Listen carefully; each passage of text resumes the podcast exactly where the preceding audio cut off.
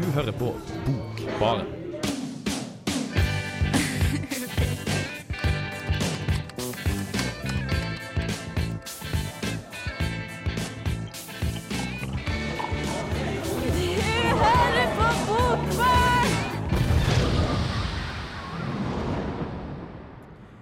Velkommen til Bokbaren. Og bare for å ha sagt det, verden finnes ikke på kartet. I hvert fall hvis vi skal tru den nye poesiantologien til Gunnar Wærnes og Pedro Carmona Alvarez. Det stemmer, den finnes tydeligvis i en diktantologi. Et sted på kartet, i hvert fall i en bokhandel, fins den. Og den skal vi prate en del om i dag, men det er ikke før slutten av sendinga. Før vi kommer så langt, så skal vi innom Kjersti Annesdatter Skomsvold, som var på Samfunnet og leste for en uke siden. Og vi gjorde et lite opptak med hun, så dere skal få høre fra den, eh, fra den prisbelønna boka hennes. Jo raskere Jo fortere jeg går, jo mindre er jeg. Flott. Og så skal vi, så er Andreas her og skal prate om eh, Tøyengata av Tone Huse. Mm. Så da har jeg allerede i hvert fall sagt at Andreas er her. Og utover det så har dere hørt Martin allerede. Hallo. Og Kristine Line står her eh, i hjørnet. Jeg heter Mathias Samuelsen. Og vi skal åpne hele festen med Creedence Clearwater Revival og Green River.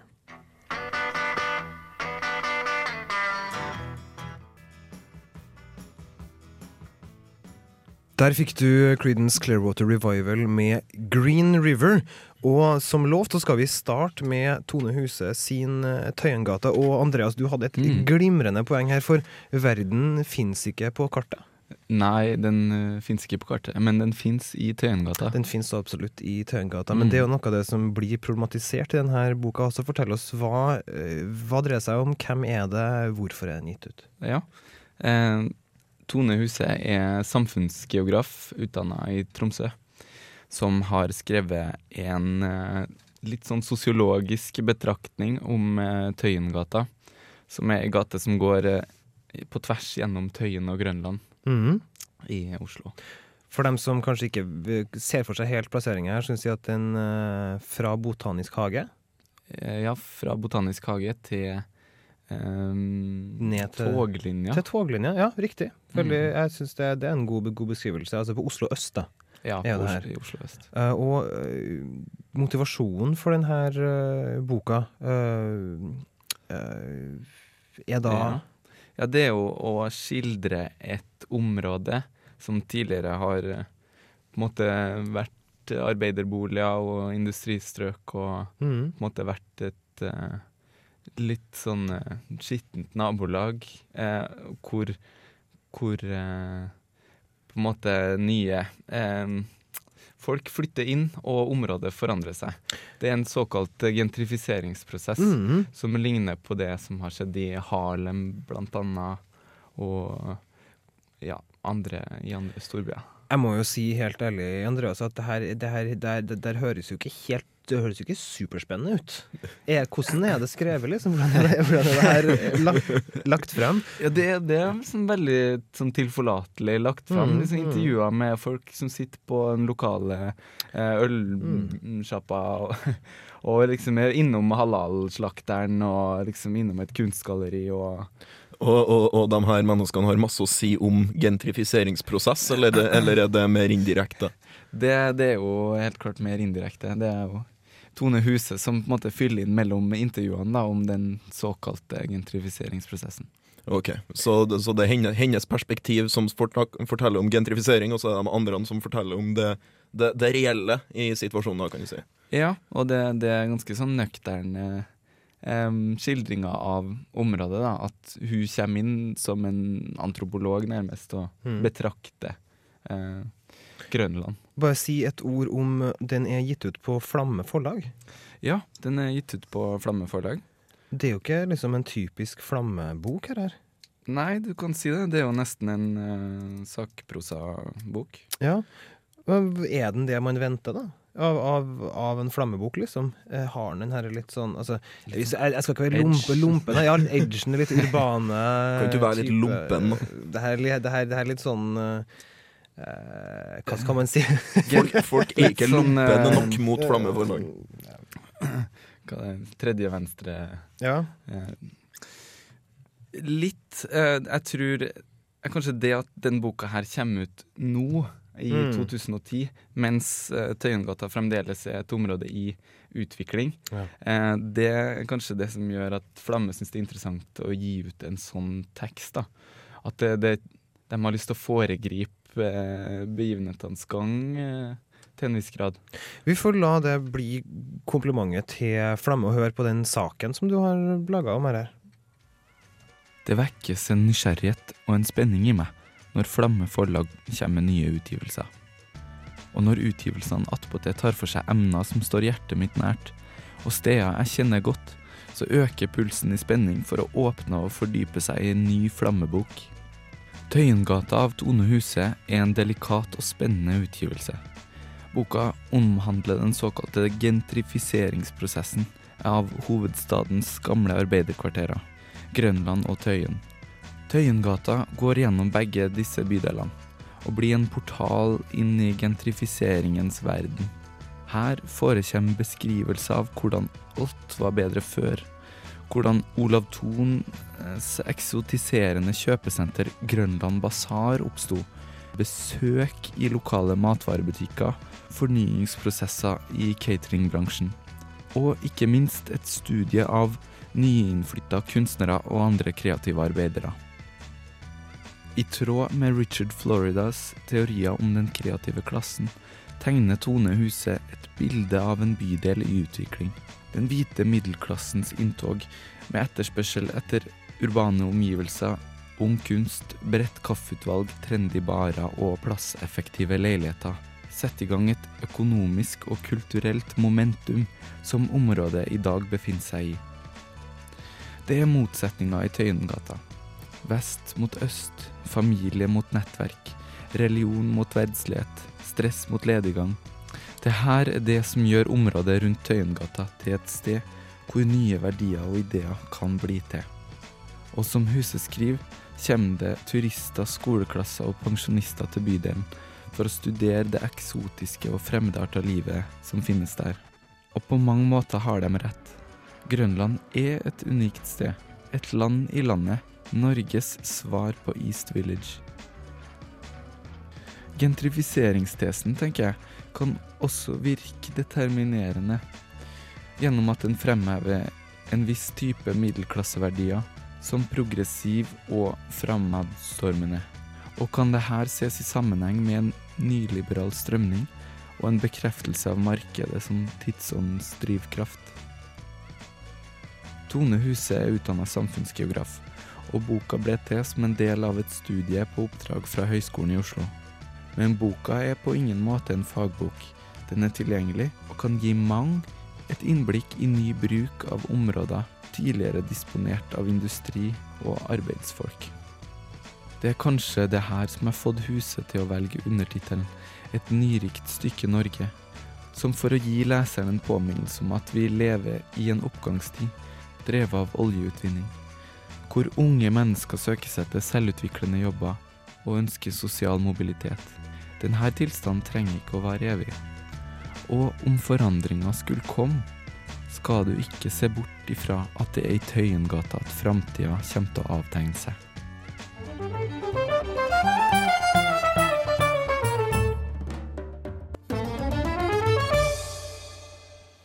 Ja, det var Tiny Tribe med det fengende låttittelen 'A Tribute to My Car Mechanic'. Uh, var det jazzens svar på gentrifiseringsprosess, eh, Andreas? Ja. Apropos Tøyengata. Apropos. Mm. Yes, fra Tøyengata, i hvert fall. Jeg vet ikke om det er der det er fra, men du hører den sikkert på et eller annet utested eller en kafé i Tøyengata sånn rundt nå. Ja. Men vi er, ikke, vi er ikke helt ferdige. Du har med deg, du har med deg noe mer, du. Ei tynn lita blekke med, som det står underskog på. Ja, fordi i prosessen med Tøyengata, I Tøyengata. så var jeg liksom veldig inn i eh, Tøyengata. da. Ok. Og da var jeg på Narvesen og fant en, eh, et magasin Ja. som er utgitt av Ja, det, det, noe som heter Frekk forlag. Frekk forlag, og det her har sammenkobling til Tøyengata fordi Jo, fordi hun som skriver her, eh, undertittelen er jo 'Bevegelser nå i norsk kunst og musikk'. Og,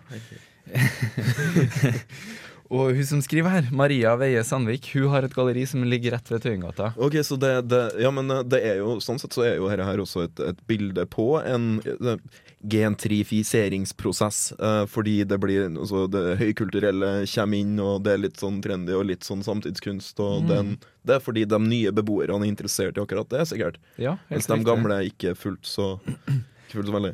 Nei, nei. Men hva er, men hva er herre, hva er herre blekka den Underskog går ut på? Hva er det? Jo, uh, hun Maria Veie Sandvik skriver om uh, ny norsk samtidskunst, og mm. prøver å danne et begrep om den norske romantismen, som Ok. er en eh, strømning blant unge norske billedkunstnere. Det er jo kanskje en strømning blant unge norske forfattere òg. som Erlend Eriksen og Som driver med en ny slags nyromantisering, kanskje. Jeg vet ikke. Ja. Jeg har Mhm. lest det i Morgenbladet, og da stemmer det jo. ja.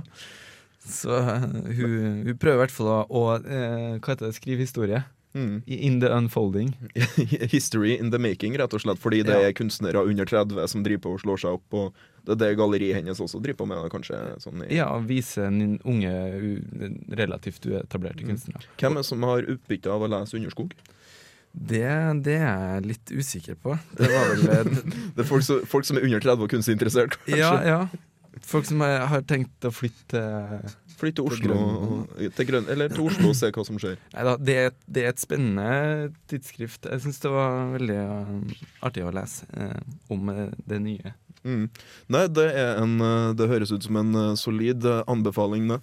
Uh, vi skal bevege oss videre, men først skal vi høre Neil Young med 'Angry World'.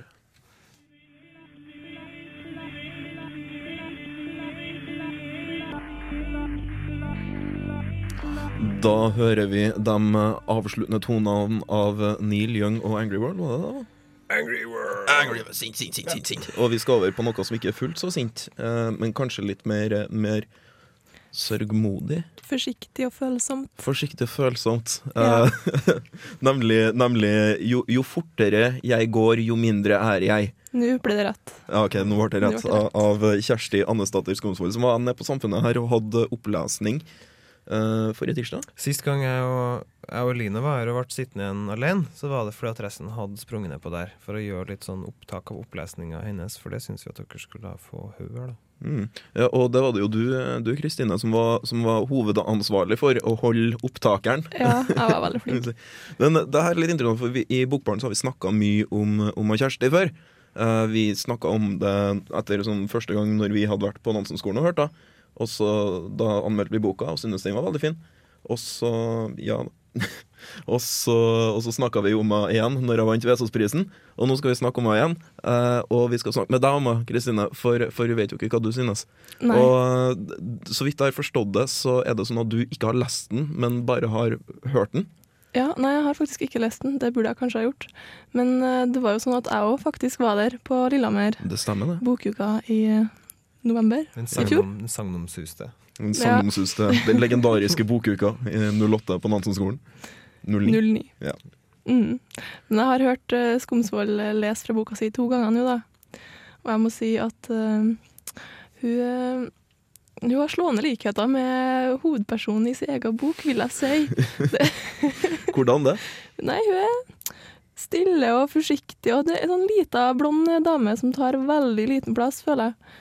Som kommer opp og er litt sånn spinkel og forsiktig. Spin spinkel og spe, har en, har hun litt Ja. sånn hun, hun lever seg jo veldig inn i opplesningene, kan du si. Hun Ja, har en hun sånn, sånn deadpan-avlevering Uh, som man også forestiller seg at eksisterer veldig i eh, hovedpersonen Mathea Ja, Martinsen. hun får, hun får stemmen til hovedpersonen sin, absolutt. Og det, det er jo også veldig interessant, for det er jo en veldig karakterdrevet roman. Det er jo et slags uh, portrett. Det er jo, men du kan jo si at Selv om det her er stillfarent og, og, på en måte, og forsiktig, så er det jo ikke er det jo på ingen måte spart for kommentarer og tanker om andre mennesker. da. Nei. Tenker du at, tenker du at Kjersti står der og tenker sånn når jeg leser? Nei, jeg syns at det jeg har hørt, er veldig godt, og det er mange spisse kommentarer også som ligger under. Så Det er, det er jo en viss, eh, viss eh, fandenivoldskhet i det likevel, Ja, kan du si. Det, det er jo en det. veldig skarp humor, eh, som, og en, eh, en, en ganske sterk sånn, sånn ironi eh, til stede i teksten. Men, eh, men vi, har jo, vi, har jo, vi har jo masse lyd av her, så i stedet for å sitte og beskrive det, Ja, så kan vi jo faktisk bare la våre kjære lyttere høre eh, Kjersti Skomsvold lese på Klubben på Samfunnet. Sannsynligheten for at du skulle bli truffet av lynet to ganger på samme sted, må være mindre enn epsilon dersom epsilon er en mikroskopisk liten mengde, var det første epsilon sa til meg. Det er helt utrolig. Han visste ikke hvor utrolig det faktisk var, for jeg ble aldri truffet av noe. Flasketuten pekte aldri på meg. Jeg ble aldri funnet når barna i nabolaget lekte gjemsel, og jeg fikk aldri mandelen i grøten på lille julaften. Mor og far fikk den annethvert år. Det var nesten påfallende. Det var en skyfri dag. Jeg sto i et hjørne av skolegården for meg selv og prøvde å se opptatt ut med å telle antall steiner som lå der. Det er selvbedrag å tro at man ikke kan være ensom bare fordi man er opptatt. Men det viktigste er at ingen andre tror du er ensom. Mens jeg sto der, skyet over. Himmelen åpnet seg, og så slo lynet ned og traff meg midt i panna to ganger. Jeg falt mot bakken, og alt ble mørkt og langt borte. Jeg kunne høre ambulansen, og jeg visste det var meg den skulle hente. På sykehuset var alle oppmerksomme og snille. Sykepleierne så medlidende på meg og sa at det sikkert ikke ville ta altfor lang tid før øyebrynene mine vokste ut igjen. Under hele sykehusoppholdet hadde jeg øvd meg på hva jeg skulle fortelle de andre elevene, som ville flokke seg rundt meg når jeg kom tilbake. Jeg har aldri opplevd noe så smertefullt før, skulle jeg si. Legene sier det er et under at jeg kom fra det med livet i behold. Alle ville gispe forferdet og takke Herren for at jeg levde. Jeg øvde meg foran speilet på å skjule de avsvidde øyebrynene med hendene på en naturlig måte, enten med en pekefinger over hvert av dem, som et slags døvetegn, jeg ville anta at det var tegnet for okse, eller jeg kunne late som jeg skygget for sola. Jeg er blitt så populær at det er helt slitsomt, skulle jeg fortelle mor og far, som ikke kunne vært mer stolte. Men da jeg kom tilbake på skolen, var den gode Moses-følelsen forsvunnet. I første time glemte læreren å rope opp navnet mitt, som alltid. Men i stedet for å si 'Mathea, ja' inni meg, som jeg pleide, rakk jeg opp hånda. 'Unnskyld, lærer', sa jeg, 'men jeg har vendt tilbake'. Det måtte ha vært lynet som hadde gitt meg en positivt ladet dose med selvtillit. Læreren løftet blikket fra klasselista som lå foran ham på kateteret. De andre elevene snudde seg og stirret på meg der jeg satt på bakerste rad. Og jeg la hånda over de avsvidde øyebrynene og lot som om jeg skygget for all oppmerksomheten. Læreren tenkte seg lenge om, men så husket han meg med ett. Og vi trodde Så sa han ikke noe mer. Alle snudde seg tilbake mot tavla, og i friminuttet sto jeg og telte steiner igjen. Jeg hadde kommet til 177 da jeg så to utstående ører komme gående mot meg fra den andre enden av skolegården. Det var ham de kalte vandrepokalen. Han gikk i parallellklassen min, og jeg visste at det var meg han siktet på, for jeg var alene i en radius på 20 meter. Jeg var alltid alene i en radius på 20 meter, noen ganger mer. Den spinkle gutten kom mot meg med bestemte skritt, som om han var redd for å ombestemme seg hvis han nølte. Jeg ble nervøs og telte steiner i et rasende tempo, og jeg prøvde å se overrasket ut da han sto ved siden av meg og kremtet som om han skulle holde en tale. Sannsynligheten for at du skulle bli truffet av lynet to ganger på samme sted, må være mindre enn epsilon, dersom epsilon er en mikroskopisk liten mengde, sa han med et alvorlig drag om ansiktet. Jeg visste ikke hva jeg skulle si, så jeg sa først ingenting. Men så kom jeg på øyebrynene, og jeg fortet meg å gjøre døvetegnet for okse. Så rautet jeg for at det skulle virke naturlig. Han hadde uskyldige øyne, jeg visste at han umulig kunne være typen som rev beina av stankelbein, eller delte meitemark på midten for å forsikre seg om at den ble til to nye.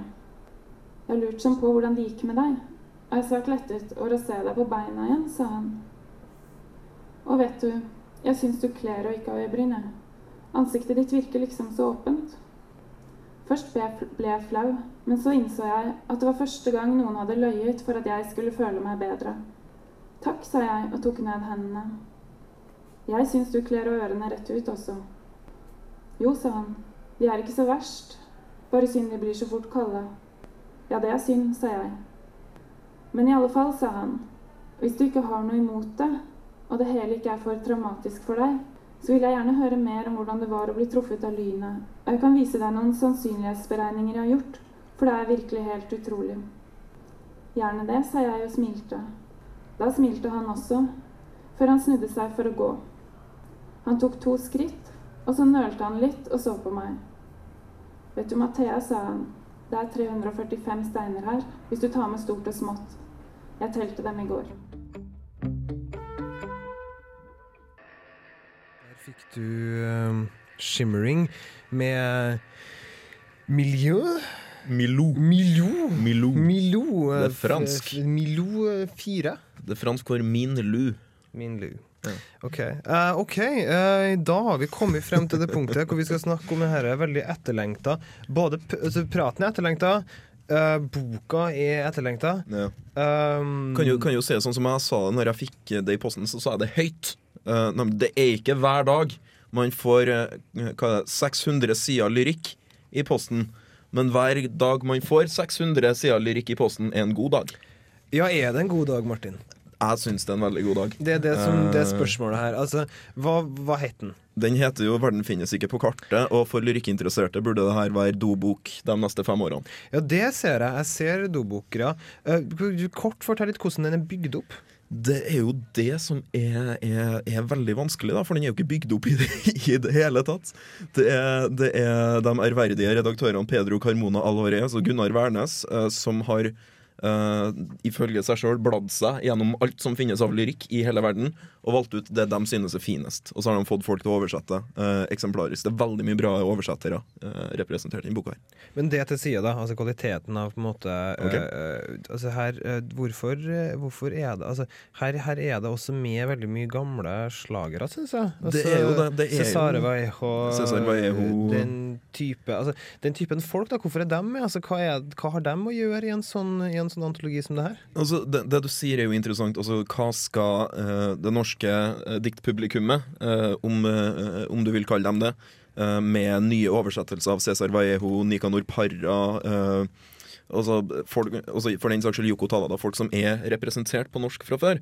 Men det som jeg mener er den overhengende røde tråden, hvis du kan kalle den det, er at de er diktere som utfyller denne samlinga eh, ved å gjøre den bedre.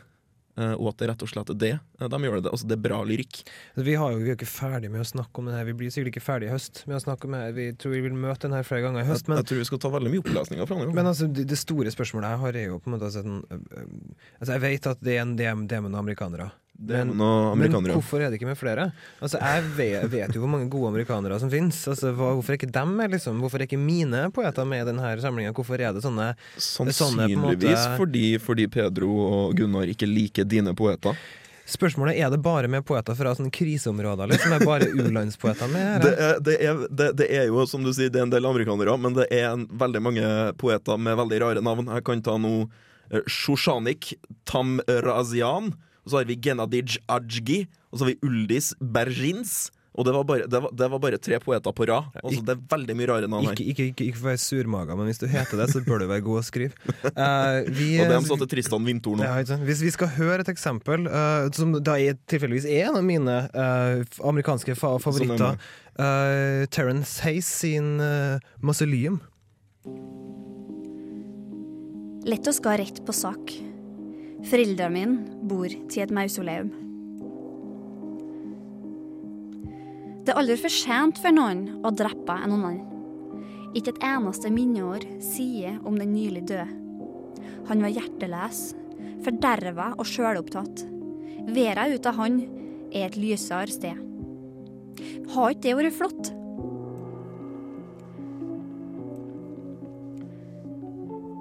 I oktober. Bla ditt og folk ditt fra. Her får ikke du noe for ikke noen ting.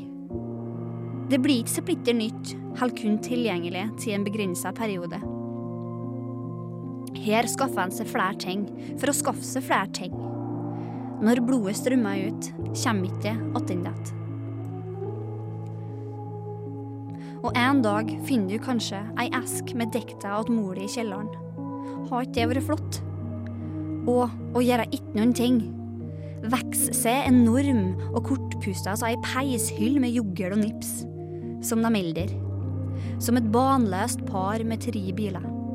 Som et hus med TV i alle rom.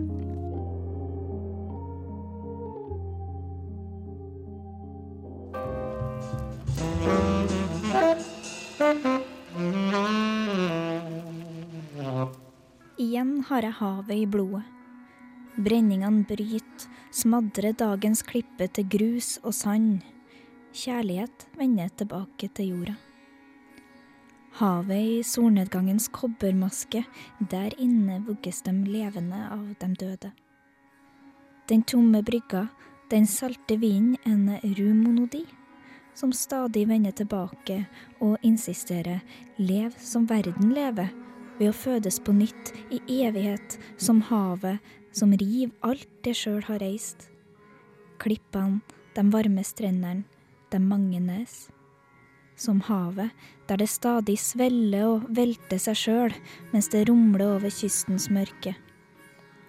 De smale, frynsete skyene far mot den økende vinden og løfter med seg bølgetoppene. Hele himmelen jager videre, før nattens jernbeslåtte klo bores inn i den mørke, skummende havsflanka.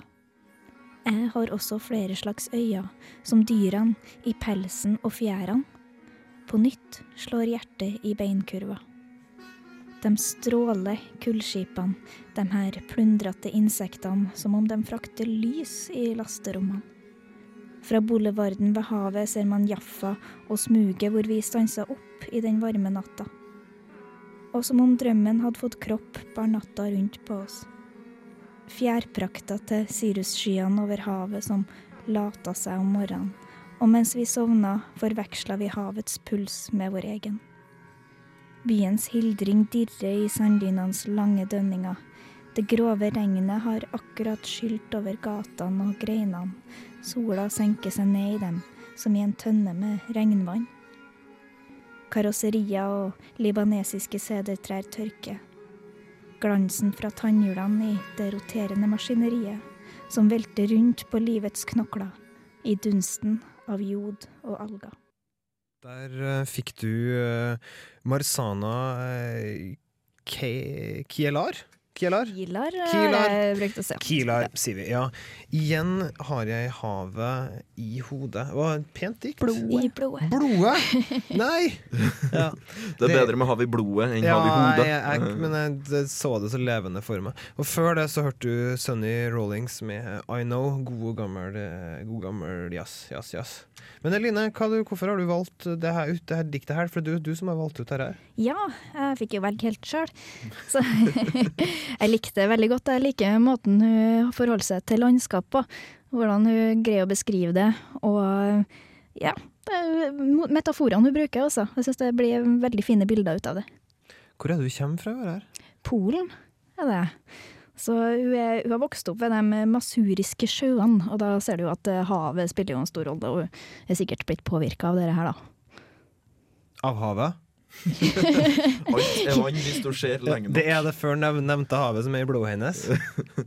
Ja. Mm. Ja, men jeg kan se det for, for, for meg. Ja, men Er det hav eller er det innsjø her Det er vi snakker om? Det, er, det her er jo hav.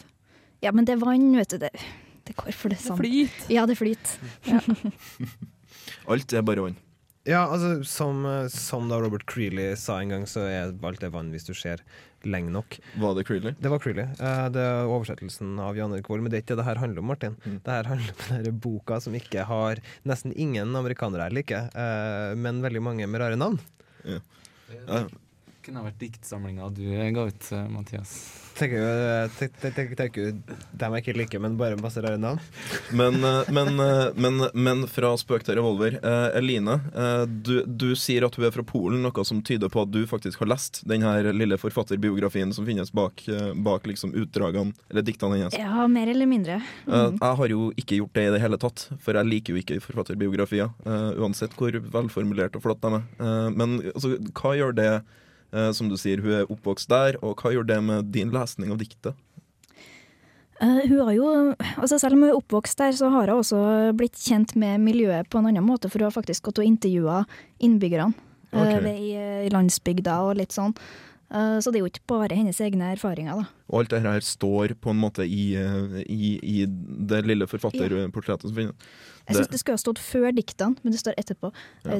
Nei, kanskje fordi du skal lese dem igjen? Ja. Alle dikt om mann må leses to ganger.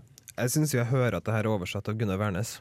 Jeg, jeg må si det, Når jeg hører det leses opp, så hører jeg Wærnes sin stemme sånn, sånn på en måte, sånn på en måte i bak, bakhodet. Altså. ja, men det stemmer, det er jo det. Og også ei um, anna dame, jeg regner med det er ei dame, uh, Aldona Shetskpaska. Det var veldig vanskelig å skjønne hva slags eh, kjønn det var på de her forfatterne. For at jeg satt og så litt i den boka før sendinga. Så skulle jeg sjekke om de hadde liksom bevisst utvalg av menn og kvinner, da. Ja. Så, men det var veldig vanskelig å skjønne uten å lese hele greia. Jeg Fordi at man man- måtte slå opp i forfatterbiografiene for å finne ut hva slags kjønn det var. Det skulle ha stått et sånn lite sånn tegn bak hvert navn, men det, altså det du sier, det er jo helt rett. Det er veldig vanskelig å vite om rein raud eh, er mann eller dame. For den saks skyld så er det vanskelig å vite hvor rein raud kommer fra. Jeg tipper på mann. ja. Ja, det kan være. Vi skal komme tilbake til det her. Vi skal høre nå en, eh, en, eh, en, en ny innlesning. Dette Det her er da av den svenske poeten eh, Ulf Karl Olov eh, Ulf Karl Olof Nilsson. Ulf Nilsson. Vi har snakka om han før, har vi? Jeg tror vi har Vi har det. Han er ganske artig. Han er svensk, bor i Göteborg, er psykoanalytiker. Kalles bare Ukon. Ukon, og her er da hans eh, ved en feiltagelse.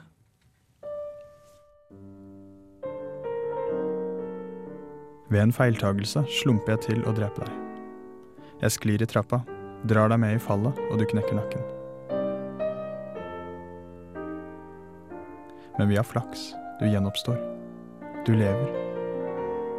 Men ved en feiltagelse slumper jeg til å drepe deg igjen. Jeg serverer deg skjemt mat, og du forgiftes og dør.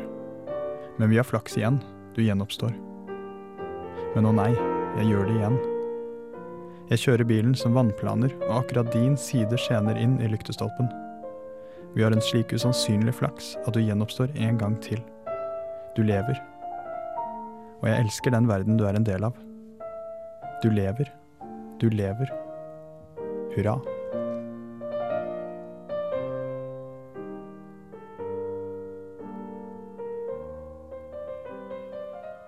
Der fikk du ved en feiltagelse av Ulf Karl Olov Nilsson, altså den svenske poeten fra Göteborg, som også er representert i denne eh, antologien 'Verden finnes ikke på kartet'. Det er ikke så rart at han er med, for han er jo en gammel kompis av Gunnar Wærnes. Men du, tror du det går eh, kameraderi og nepotisme i utvalget av poeter? Jeg tror det går hva de liker. Jeg synes det her er ganske Det viser hva de, at det her, har med smak å gjøre. Eh, altså, det alle liker jo sagt, det har de. Ukon. Ukon er jo de har, kjempetøff. sagt, de har sagt hele veien at det har med smak å gjøre, så det er ikke, ikke, ikke noe lureri og fantøystrek her. Det er helt, eh, helt, eh, helt greit, rett og slett. Ja, det.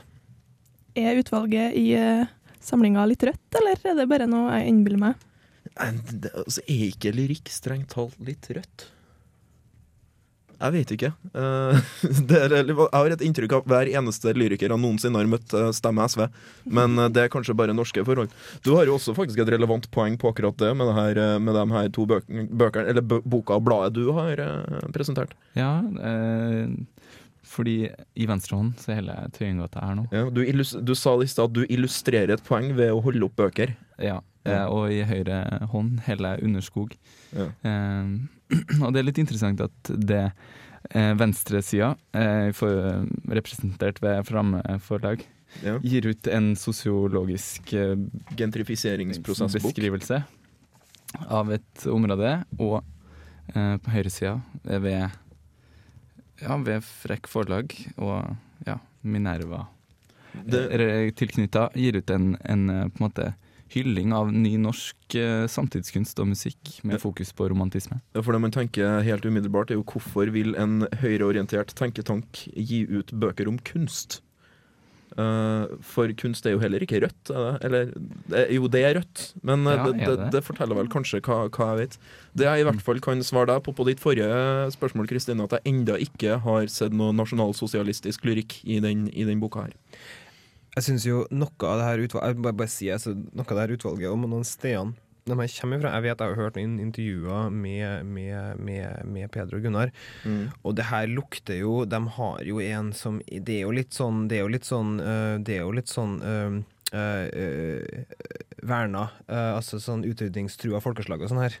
Det er det, altså. Det det, må, det, må, det, er, det er litt sånn folk i Sør-Amerika som slåss for frihet. Det er litt sånne ting, altså. Ja, men i. Sør-Amerika så slåss de jo for frihet hele, hele kontinentet. Eh, Så det blir litt tynt hvis du skal ta de andre, tenker jeg. Jo da, men jeg vil si at det her igjen, det er jo noe som går gjennom samlinga der. Altså et form for politisk engasjement. Jeg har jo ikke engang lest den, jeg har bare hørt intervjuer med dem. Du kan jo si det at eh, et, eh, altså et, eh, et, et utvalg som er så personlig eh, som det Pedro og Gunnar har gjort her, eh, vil, jo, vil, jo, vil jo bære preg av personlig smak, og da er jo ofte, ofte politisk retning også en del av det. Mm. Ja. Eh, om verden ikke fins på kartet, hvor fins den hen? I Tøyengata, var ikke det? Nei, altså, eh, kanskje. I I poesien. poesien, ja. Jo, det er mulig. Altså, det her er jo en veldig Jeg synes jo skal, Hvis vi skal begynne å dra inn det her, da. OK, vi har ja, vi har eh, to, to minutter igjen nå. Men hvis det, altså, det, er en, det er en ganske post, postmoderne Det er postmoderne utsagn, da. Eh, At verden ikke finnes på kartet. Eller den, den tanken, da. Eh? Postkolonial. Postkolonial kan også kalle det jo en, kanskje en veldig god måte å tenke på. Altså, altså en, å lage en antologi med poeter fra hele verden Ja. som ikke på en måte er eh, på noen måte eh, eh, imperialistisk, da. Ikke Ja, og, som, og som ikke er tenkt at de skal være representerende, representerende for, en, for en region på en slags sånn Nå skal vi lese afrikansk lyrikk-måte. Mm, har ikke de klart det? Det vil jeg jo si at de har. Jeg føler at For de de har klart har det. jo gitt, gitt ut ei, ei konsekvent sterk bok full av dikt, hvor man på ingen måte får et inntrykk av at ting er valgt ut på bakgrunn av at de er kvotert inn. eh, Eller at de representerer én retning eller én tradisjon i et tilfeldig land som vi må snakke om. Hva med politisk korrektheten, da? Bare for å ta det på topp, toppen av kransekaka her. Hvordan eh, kjenner du den, liksom? Gjennom Man kjenner den politiske korrektheten. mm. Altså, jeg går som regel ikke og kjenner på politisk korrekthet når jeg leser lyrikk, da, fordi, fordi jeg syns eh, det, eh, det blir litt for dumt. Men, eh, men du kan jo si det at eh, Syns jo man stiller seg laglig til for hugg her. Eh, på en måte Med poeter fra Sør-Amerika og på en måte Øst- Øst-Europa så dominerende i på en måte Jeg vil si det at uh, du kan si at prosjektet uh, altså Undertittelen er jo poesi fra hele verden, uh, noe som er en veldig politisk korrekt uh, undertittel. Men jeg vil likevel hevde at denne boka her først og fremst er lyrisk korrekt. Det er en bra bok full av gode dikt, og at det på en måte overstyrer ethvert livsbejaende eh, aspekt eh, ved, ved det her. Det får bli siste ord om det. Et godt siste ord, syns jeg faktisk. Ja, Bra jobba, Martin. Ja, Ja. Eh, De som har vært med og laga sendinga, i dag, er Eline Bjerkan, Kristine Fredriksen, Martin Ingebrigtsen Um Andreas Skille. Jeg heter Så mange i studio Jeg nå. heter Mathias Samuelsen. Teknikere har vært eh, Harald Schjong eh, og Trond Stor Storanding. Ikke sant? Sju Eh, stykker. vi, kan, vi, ja, vi har vært utrolig mange, og vi har rukket masse. Vi har snakka om Skomsvoll, vi har snakka om 'Verden finnes ikke på kartet', eh, den nye antologien fra oktober. Vi har snakka om Tøyengata, vi har snakka om Underskog, magasinet fra Frekk forlag. Vi skal forlate dere med Susanne Sundfør. Ha en fin uke. Her er Black Widow.